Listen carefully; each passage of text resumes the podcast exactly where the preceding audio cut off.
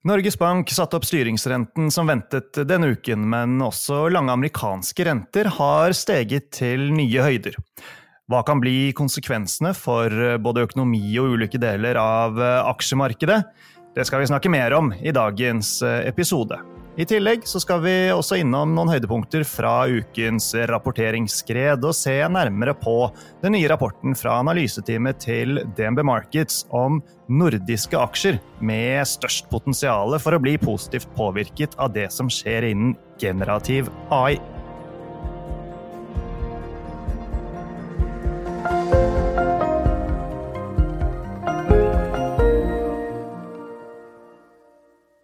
Velkommen til eh, Utbytte, DNB-podkasten der vi forklarer hva som skjer i den globale økonomien og finansmarkedene.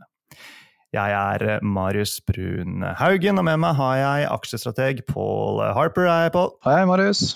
Ja, ny uke, nye muligheter, nye oppsummeringer osv. Det er uh, fredag 18. august. Klokken har passert uh, to når vi spiller inn dette her, så markedet er ikke stengt helt ennå. Det ligger an til en rød uke både her hjemme og i USA. En litt sånn seig avslutning på uken, men det er sagt, da så er børsen fortsatt uh, sidelengs om vi uh, løfter blikket og ser de siste knappe to uh, årene.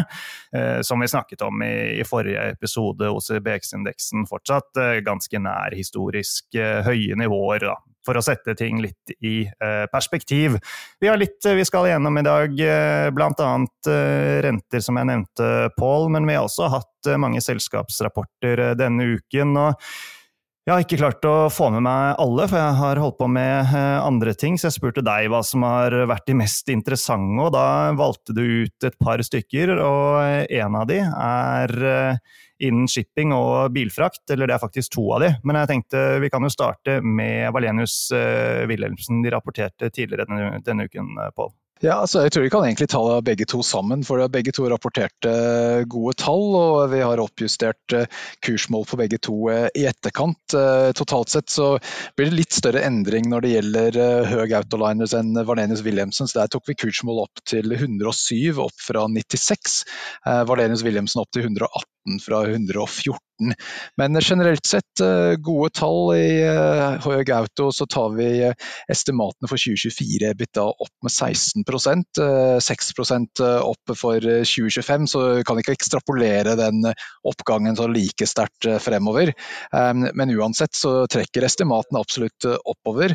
Og i Vardenius Wilhelmsen så har det EBITDA justert opp rundt 6% Så begge to trekker oppover. og Høg Auto er også litt interessant selskap, for det er en mulig kandidat til å komme inn i OCBX-indeksen når den revektes i september. Nå er vi som i innspurten hvor de driver og skal vurdere hvilke aksjer som skal inn og ut av eh, indeksen. Så eh, cut-off-datoen er eh, nå på fredag, så vi må drive og regne litt nå over helgen og se hva som er mest sannsynlig om den kan komme inn. Det kan eventuelt gi et ekstra løft i kursen nå de neste ukene. Ja, Vi har jo snakket om bilfraktshipping tidligere, og det har jo vært veldig sterkt over en periode. men det ser fortsatt bra ut, altså? Ja, det, det gjør jo det. Det er, det er, en litt sånn vanskelig eh, sektor. for På den ene siden så har du en litt sånn strukturell endring som er eh, veldig gunstig, med at Kina nå driver og eksporterer mye mer biler enn tidligere. På den andre siden så er jo biler en uh, syklisk bransje, så hvis det blir en resesjon, så er det klart da er det ikke kanskje like mange som finner ut at ny bil er det de skal prioritere. Så da er det liksom en viss risiko for at etterspørselssiden kanskje kan svikte der. Men den strukturelle endringen er er noe som eh, i hvert fall netto gir en positiv positivt bidrag eh, nå på kort sikt. Og så er det litt sånn spørsmål hvor, hvor lenge den type super profit-perioden kan vare. Når blir flåteveksten så stor at uh, markedet knekker? Det er jo alltid problemet i shipping og det, det vanskelige delen å, å, regne ut. Men vi tror det kanskje kan vare litt, litt lenger enn det kanskje trodde tidligere. Ja. Eh, en annen uh, selskap og aksje som uh, vi trekker fram i dag, er sikkert kjent og kjær for mange. Den har vært på børsen lenge, og da snakker vi om Veidekke, Pål. men jeg har nedgradert aksjen fra kjøp til hold, tatt kursmålet ned fra 125 til 120 kroner. Ja, så jeg trekker denne frem eh, nettopp fordi at vi har gjort en endring i, i anbefalinga. Falt litt eh, på tallene i går og falt litt mer i dag. Eh, det var sånn litt på den svake siden her, syns vi. EBITDA-estimater har vi kuttet med 5% Vi tar kursmålet som du sier, ned til 120 fra 125. Um, og det var litt sånn forsiktig guiding. Så aksjen har jo egentlig vært veldig sterk hittil i år, så dette er jo mer det at vi syns det er sånn fair value nå. Det er ikke så lett å egentlig se at den fortjener noe, noe ytterligere ytterligere oppgang. Eh, nå har han jo riktignok falt eh, en del nå de siste par dagene, så det gjør det kanskje litt, eh, litt mer interessant igjen. Men uansett, når estimatene kommer ned, selskapet er litt sånn forsiktig i tonen, så syns vi det er et godt tidspunkt å kanskje ta litt gevinst. Ja, og, og så sammen med at uh, hvordan analytikeren vurderer utsiktene for ja, det meste som skjer innen eiendom, så er det i hvert fall ikke vanskelig å forstå at uh, man ikke er superpositiv her. For det er klart, uh, eiendom har sine utfordringer uh, om dagen. Ja, det tror jeg de aller fleste har uh, fått med seg. og det, det, er jo liksom litt det når du har en sektor som generelt litt, er litt out of favor. så kan du si at ja, det var, var, kanskje ikke så ille som det så som enkelte trodde i starten av året, men nå når kursen har kommet opp uh, en god del, så er det ikke sånn at uh, vi kan si at disse problemene ikke eksisterer. Det var kanskje bare at det var litt for mye pessimisme i, i starten av året. Siste aksjen som du har på listen din, det er Borr Drilling Pole. Ja, eh, de hadde jo tall som var eh, ja, Selve tallene var helt, eh, helt, ok, men guidingen var litt skuffende. Egentlig mest for 2023, men vi syns egentlig det, det, var ikke så, så, ille dette her. Det var egentlig snakk om litt sånn forskyvning av inntjening. Det var en rigg som kommer av kontrakt litt tidlig, og da har de valgt å kjøre litt vedlikehold da istedenfor å vente til senere. Så det er like greit å gjøre det når den ikke har en jobb. Så det slår jo litt negativt ut for inntjeningen. men det slår ikke så voldsomt mye.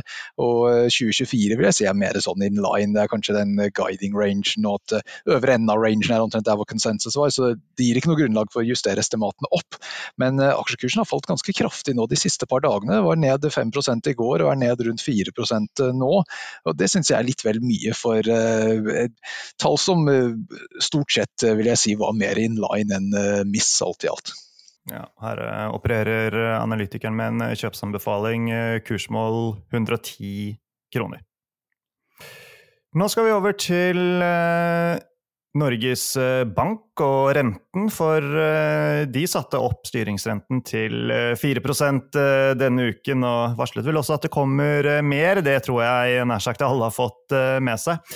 Kyrre Omdal og Magne Østnord fra makroteamet her på huset de spilte inn en eh, videokommentar de i etterkant av at eh, beslutningen ble offentliggjort. Den sendte vi ut til kunder på eh, torsdag. Og her skal dere få høre hva de sa da om både selve avgjørelsen og ikke minst hva de tenker om veien videre.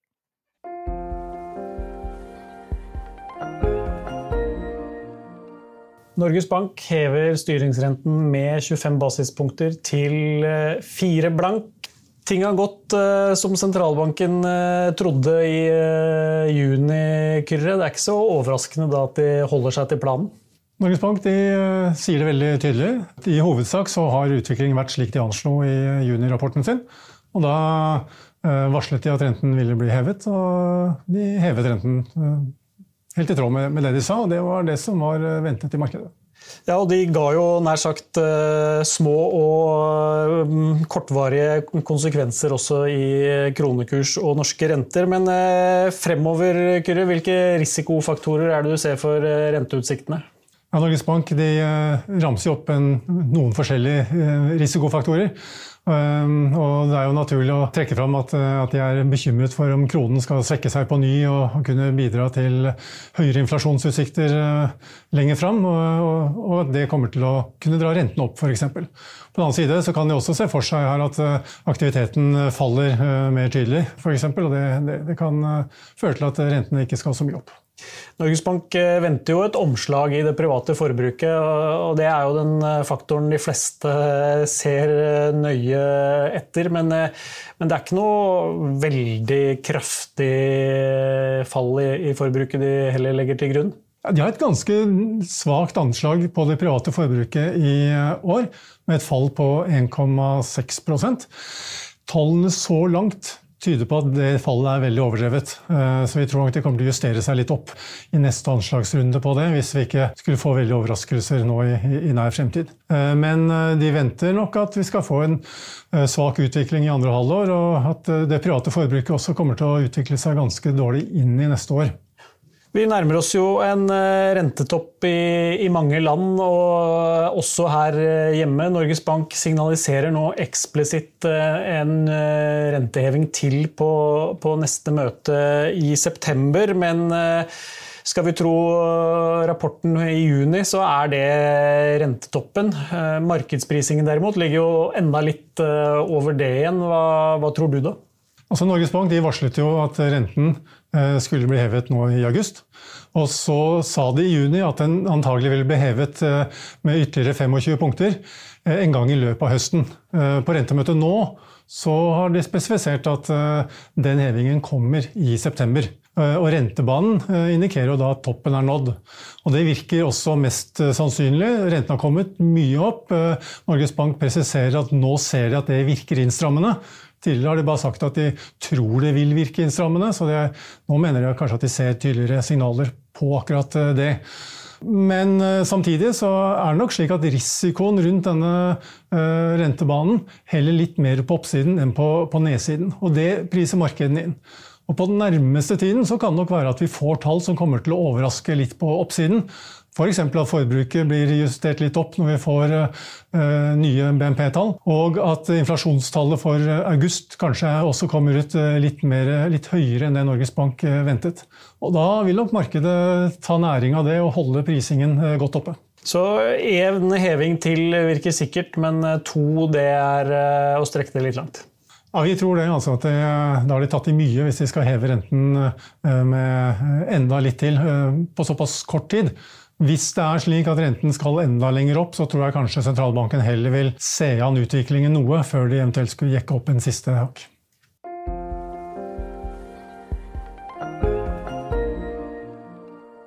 Ja, Pål, det var eh, som ventet fra Norges eh, Bank, men uh, må jeg nesten spørre deg om, da. Hvordan påvirker dette de norske bankaksjene og sparebankene? Ja, så at Det var omtrent som ventet. så du kan si I første omgang har det ikke så voldsomt mye å si eh, akkurat for, sånn i forhold til kursreaksjoner. Men eh, det gjør det, det, store bildet litt mer komplisert eh, nå når vi begynner å nærme oss rentetoppen. For Nå har vi hatt en periode da hvor renter har liksom blitt jevnt økt, og antageligvis økt litt mer enn de fleste hadde forventet. Så det har gitt et sånn ganske bra medvind for inntjening for disse bankene. Og Samtidig som økonomien går relativt bra også, så har det ikke vært noe lånetap, eller veldig lite i hvert fall eh, der. Så Hvis vi nå kommer inn i en fase hvor du ikke får like mye medvind, at renter begynner å toppe ut, da, hvis vi venter en renteøkning til og så eh, flater det ut en stund, eh, etter hvert så kommer man da til å begynne å se fremover til når er det rentekuttene eventuelt eh, dukker opp.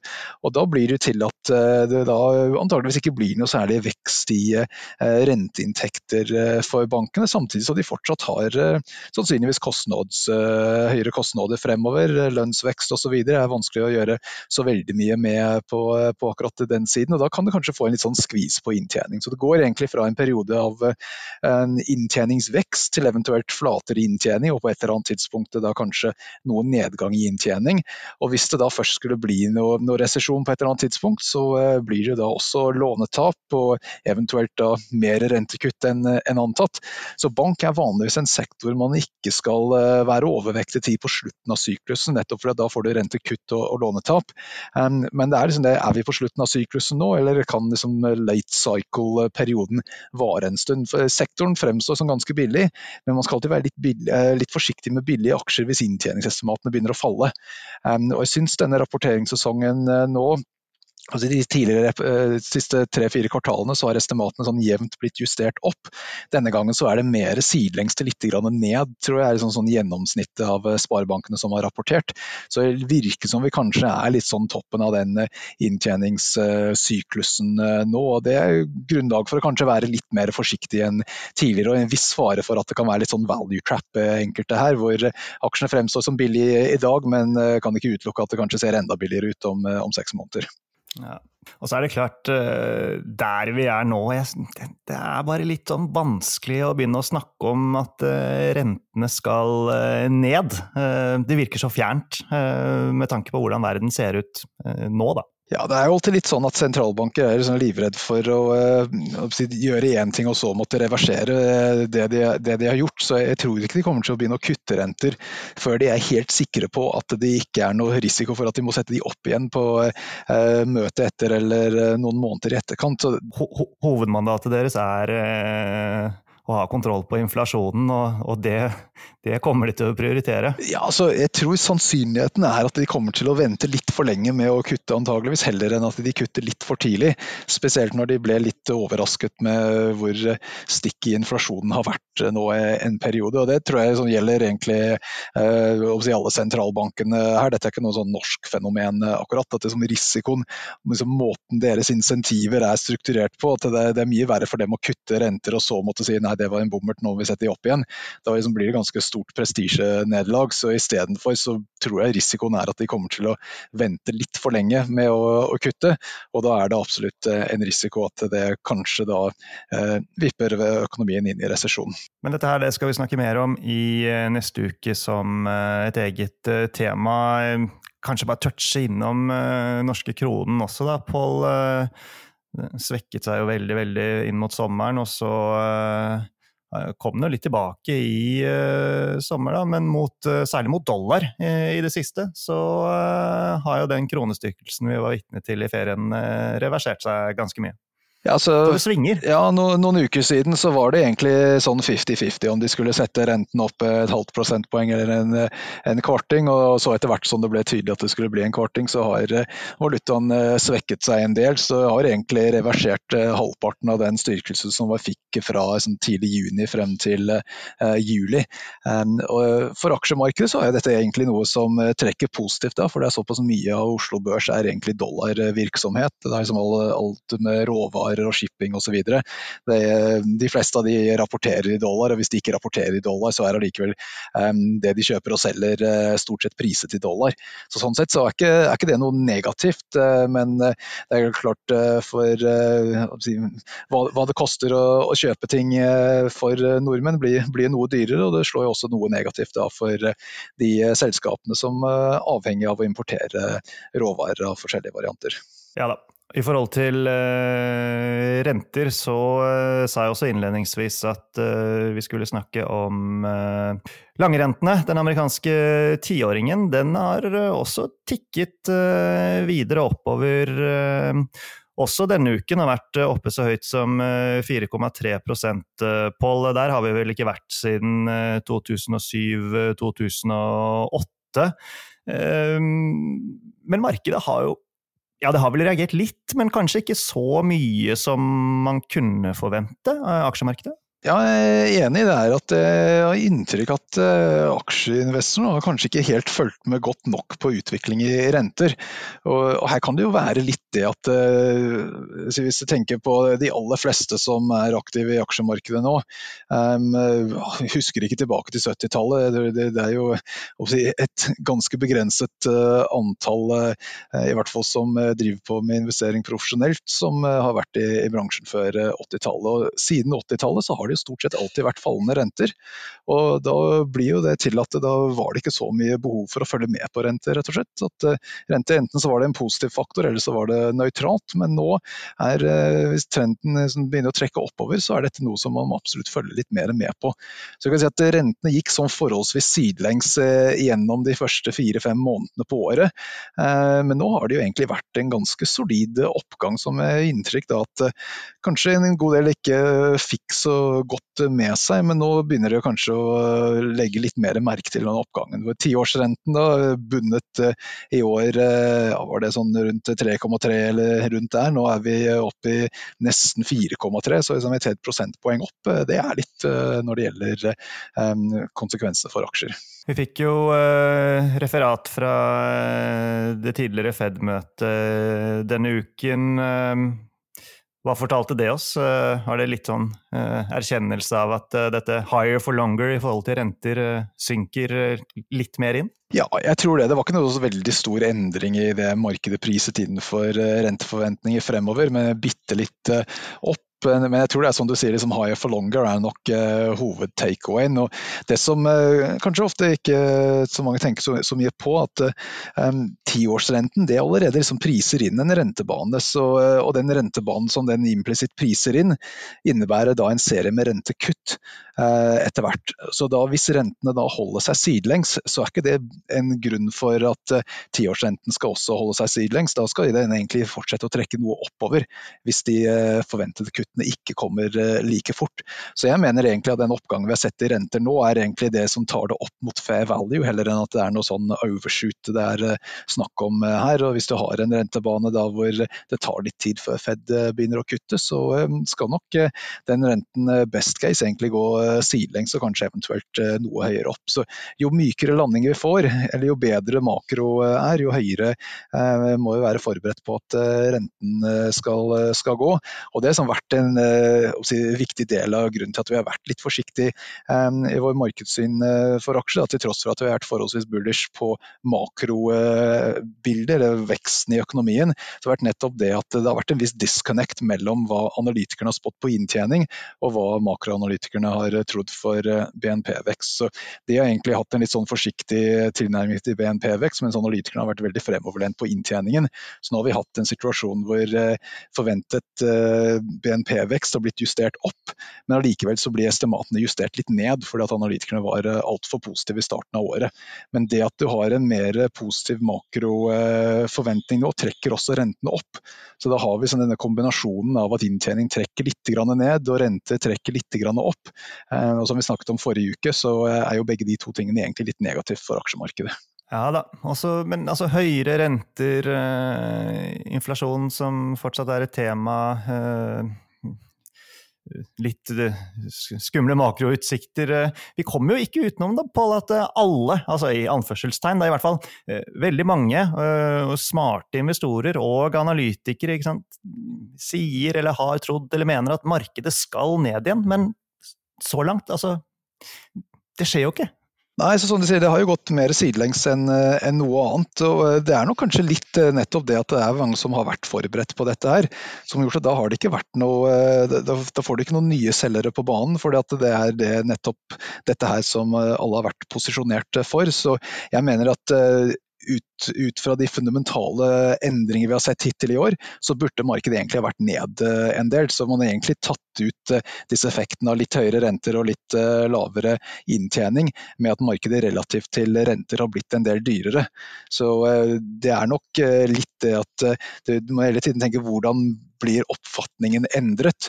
Um, men grunnen til at markedet nå har vært litt mer følsom på nedsiden, er nok en sammenheng med at sentimentet har gått fra å være ganske elendig, og det har vært veldig negativt sentiment i starten av året, til uh, for en to-tre uker siden så var det en bull bear sentimentindeksen på noe av det høyeste vi har sett de siste to-tre årene.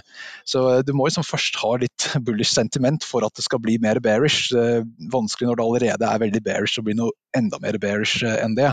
Så, så det er nok litt ut ifra den posisjonering vi hadde på starten av året som har sørget for at vi ikke har fått liksom, det, det, helt store nedgangen i, i, markedet. og Grunnen til at vi har vært mer sånn type forsiktig pessimist heller enn at vi har vært sånn eh, veldig bearish på eh, forventningene fremover. Men denne oppgangen eh, i lange amerikanske renter, den enden på visa, den, den er litt skummel? Litt skummel for uh, aksjeinvestorene. Ja, og så her er det også en kanskje viktig nyanse å få frem her. at uh, vi kan si Oppgangen vi har sett uh, hittil i år kan nok i stor grad bli forklart med at makroutvikling har vært bedre enn ventet. Men så er det også da noen strukturelle faktorer som det er veldig vanskelig å vite hvor mye vekt man skal legge på de, om det er noe som også forklarer dette her, eller om det egentlig ikke har så stor effekt. Og det jeg snakker om da er at budsjettunderskuddet i USA har jo blitt ganske så stort for et tidspunkt hvor det egentlig er sånn type uh, peak cycle, kan du si. Da. Arbeidsledighet på sånn 3,5 der omkring er noe av det laveste vi har sett på um, 50 år eller, eller mer. Samtidig som det er et budsjettunderskudd som begynner å nærme seg de nivåene det var på bunnen i finanskrisen. Så du kan tenke deg da hvordan det kommer til å se ut hvis arbeidsledigheten begynner å øke. Så det er alle disse stimulansepakkene som uh, Biden har kjørt igjen, Chips Act og Jobs Act og alle disse forskjellige Inflation Reduction Act og alt dette her, gjør at uh, du har ganske stort budsjettunderskudd, som gjør at det da blir en god del mer treasury som må bli utstedt til å finansiere alt dette her. Så hvis den oppgangen i rentene vi ser nå, delvis reflekterer forventninger rundt uh, det at det kommer mye mer treasuries ut, ut i markedet, og så i tillegg så har du faktorer som bl.a. Kina er vel den nest største internasjonale eieren av amerikanske treasuries, og de har jo drevet og solgt seg ned nå er litt mer sånn strategiske hensyn. Du har quantitative tightening som eh, trekker rentene opp også, litt sånn uavhengig av veksten i økonomien. Så hvis de faktorene der viser seg å være mer viktige enn eh, de mer sånne sykliske, kortsiktige rundt eh, makroutviklingen, så kan man ha en situasjon hvor renten egentlig holder seg overraskende høyt, da, selv om makro ikke kanskje holder koken like bra fremover. Så hvis mer av dette her er strukturelt enn syklisk, så kan hele det bli mye mer skummel utvikling for, for aksjemarkedet. Ok, uh, sist men ikke minst så skal vi snakke generativ AI. Kunstig intelligens det har jo vært på alle investorers lepper i år. Denne uken så sendte analyseteamet ut en tematisk rapport på dette her. Og det går på da hvilke nordiske selskaper som da DNB Markets har analysedekning på, det er liksom universet man uh, ser på, som er best posisjonert innen kunstig intelligens. Uh, og bakteppet er at uh, det som nå skjer, vil være en game changer for mange typer industrier og jobber man forventer at det vil øke produktiviteten og akselerere innovasjon osv. Eh, men ifølge denne rapporten da, så snakker vi i hvert fall to-tre år før vi vil se en litt sånn bredere tilnærming blant ulike typer selskaper som tar i bruk eh, AI på uh, ulike måter i større grad. Da. Det skjer mye testing nå, men, men det er typisk i, i sånn småskala da, i, i, mange tilfeller. Og analytikerne de ser størst potensial hos eh, nordiske selskaper innen telekomtjenester, media og tech, altså software og hardware, eh, og minst innen eh, eiendom, shipping og materials-selskaper med betydelige faste kostnader. Og videre så har de funnet 39 selskaper da, i dekningsuniverset hvor de venter at AI vil ha et stort eller relativt stort potensial de neste én til eh, fire årene. Og uh, Storytel er liksom den som uh, markerer seg med størst potensial i nær fremtid. Det er også andre svenske aksjer som Embracer og Paradox f.eks. Da er vi innen gaming, på litt lengre sikt dog. Og så er det også sånn ganske stort potensial for telekomtjenester. Der er Telenor eh, et av de. Eh, Telia Tele2 nevnes også. Eh, I tillegg så har vi også selskaper, norske selskaper som Adevinta og Skipsted, bare for å trekke fram noen. Det er klart det er jo en tematikk som mange har vært opptatt av, Pål, men det er jo ikke bare noe sånn rett fram dette her heller. Ja, Det er alltid si, plusser og minuser med, med, sånne type ting. og Det er viktig å huske hvis du ser på en sånn langsiktig graf av BNP-utvikling, så er det ikke sånn at det er noe særlig enkelt å si når var det internett egentlig ble en greie. Altså, BNP-vekst har jo egentlig vært på en sånn gradvis fallende trend over eh, lang tid. og Det, har jo med bl.a. Eh, gradvis lavere befolkningsvekst og en del andre sånne type ting som trekker i en negativ retning. Og så har det faktorer som eh, PC, mobiltelefoner, internett, eh, faktorer som har hatt eh, enorme effekter på måter eh, bedrifter jobber på, hvordan vi blir behandlet som kunder og, alle sånne type ting. Men, men, det er vanskelig å egentlig se dette her i tallene på et, et makronivå. Så jeg tror det er viktig å sånn, huske at for at vi skal liksom, opprettholde en produktivitetsvekst, så må du hele tiden klare å finne på nye forbedringer underveis. Så dette er noe som da klart er veldig spennende, og det kommer til å ha enorme konsekvenser for, for veldig mange. Men jeg tror man må liksom tenke på at dette her er noe som opprettholder en si, positiv trend, heller enn at dette er noe som gir en noe step change i, i den trenden. Det er veldig vanskelig å spå disse tingene. og Når det gjelder internett, så kan jeg si at der de, de fire-fem største selskapene i verden nå eh, hadde antageligvis ikke eksistert hvis det ikke hadde vært eh, for internett. Men hvis du tenker på underskogen av alt mulig annet, så er det sånn at mye av disse forbedringene da forsvinner ut i form av eh, lavere priser til kundene, høyere lønn til de ansatte, og ikke så mye av dette her blir igjen på bunnlinjen. Så tenker på Amazon f.eks., så det har jo blitt helt enormt, men det har jo også mange tusenvis av butikker som ikke eksisterer i dag fordi det har blitt utkonkurrert av eh, Amazon. Så dette er som creative destruction. Du får eh, noen store plusser og eh, noen store minuser, og helt liksom hva nettoeffekten av dette her er veldig vanskelig å ha noe, noe, veldig sterk mening om. Så jeg tror i første omgang så er det litt de type enablers som er de som kanskje får den største fremdriften av dette her. Så Nvidia er som en av de som har fått veldig mye oppmerksomhet i det siste, og du nevner Storytel som en del av de hvor det er åpenbare effektiviseringsendringer som kan eh, komme fra det. Men veldig mange selskap så er det ting de må bruke bare til å liksom opprettholde sin eh, eksisterende posisjon, heller enn at det er noe som gir noe, noe voldsom vekst eh, fremover. Ja da. Og så vet vi at eh, det å ta i bruk ny teknologi, det, det, er ikke nødvendigvis gjort over eh, natten. Eh, sånne ting har en tendens til å ta, ta litt uh, tid. Men uh, rapporten er verdt å lese, uh, så det får bli en oppfordring. logg inn på DNB-plattformen der du leser analyser, så, så ligger den der klar og venter. Vi nærmer oss eh, slutten, Pål. Eh, neste uke blir det bl.a. fokus på eh, sjømat. Da kommer selskapenes rapporter fra den sektoren. Jeg skal til Bergen jeg, og høre på flere av de, så jeg gleder meg. Du er vel litt spent du også på hva de rapporterer? Ja, Sjømat er også en litt sånn interessant sektor, for det har vært litt tungt uh, i en periode. Og egentlig blitt ganske billig, syns jeg, når vi ser på uh, multipler. Så det er veldig spennende å se nå om uh, de er billige fordi at markedet skjønner at her kommer det dårlige tall, eller om de bare har falt for mye og dette her blir en, en veldig god kjøpsmulighet. Sjømat er jo en av de sektorene som er som har et ganske tydelig sesongmønster, hvor det ofte er riktig å eie sektoren fra høsten og så frem til rundt påske. Så vi er fortsatt kanskje litt tidlig i forhold til det sesongmønsteret. Men eh, hvis det er sånn at selskapene egentlig klarer å rapportere helt eh, ok, så kan det godt hende at eh, den sesongen begynner litt fortere. Da, at aksjene begynner å bevege seg litt før lakseprisene begynner å forbedre seg. Så det er veldig, veldig spennende å se hva de kommer med nå neste uke. Ja, men med det så setter vi strek for uh, i dag, så uh, da gjenstår det vel egentlig bare å ønske deg, og ikke minst alle lytterne, god helg. Tusen takk, Pål, for at du var uh, med denne uken også. Sist, men ikke minst, tusen takk, folkens, til alle dere som hørte på.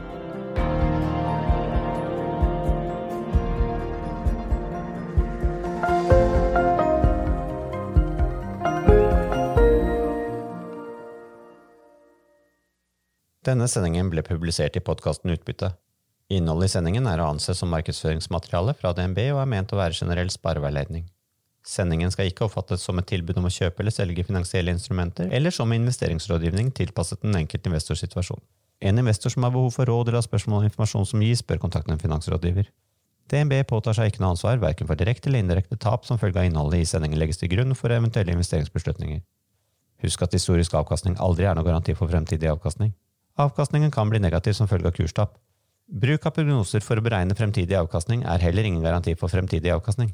Innholdet i sendingen bygger på informasjon fra offentlig tilgjengelige kilder som DNB ser på som pålitelige, men som ikke er uavhengig verifisert. Følgelig gir DNB ingen garanti i forhold til nøyaktighet og fullstendighet.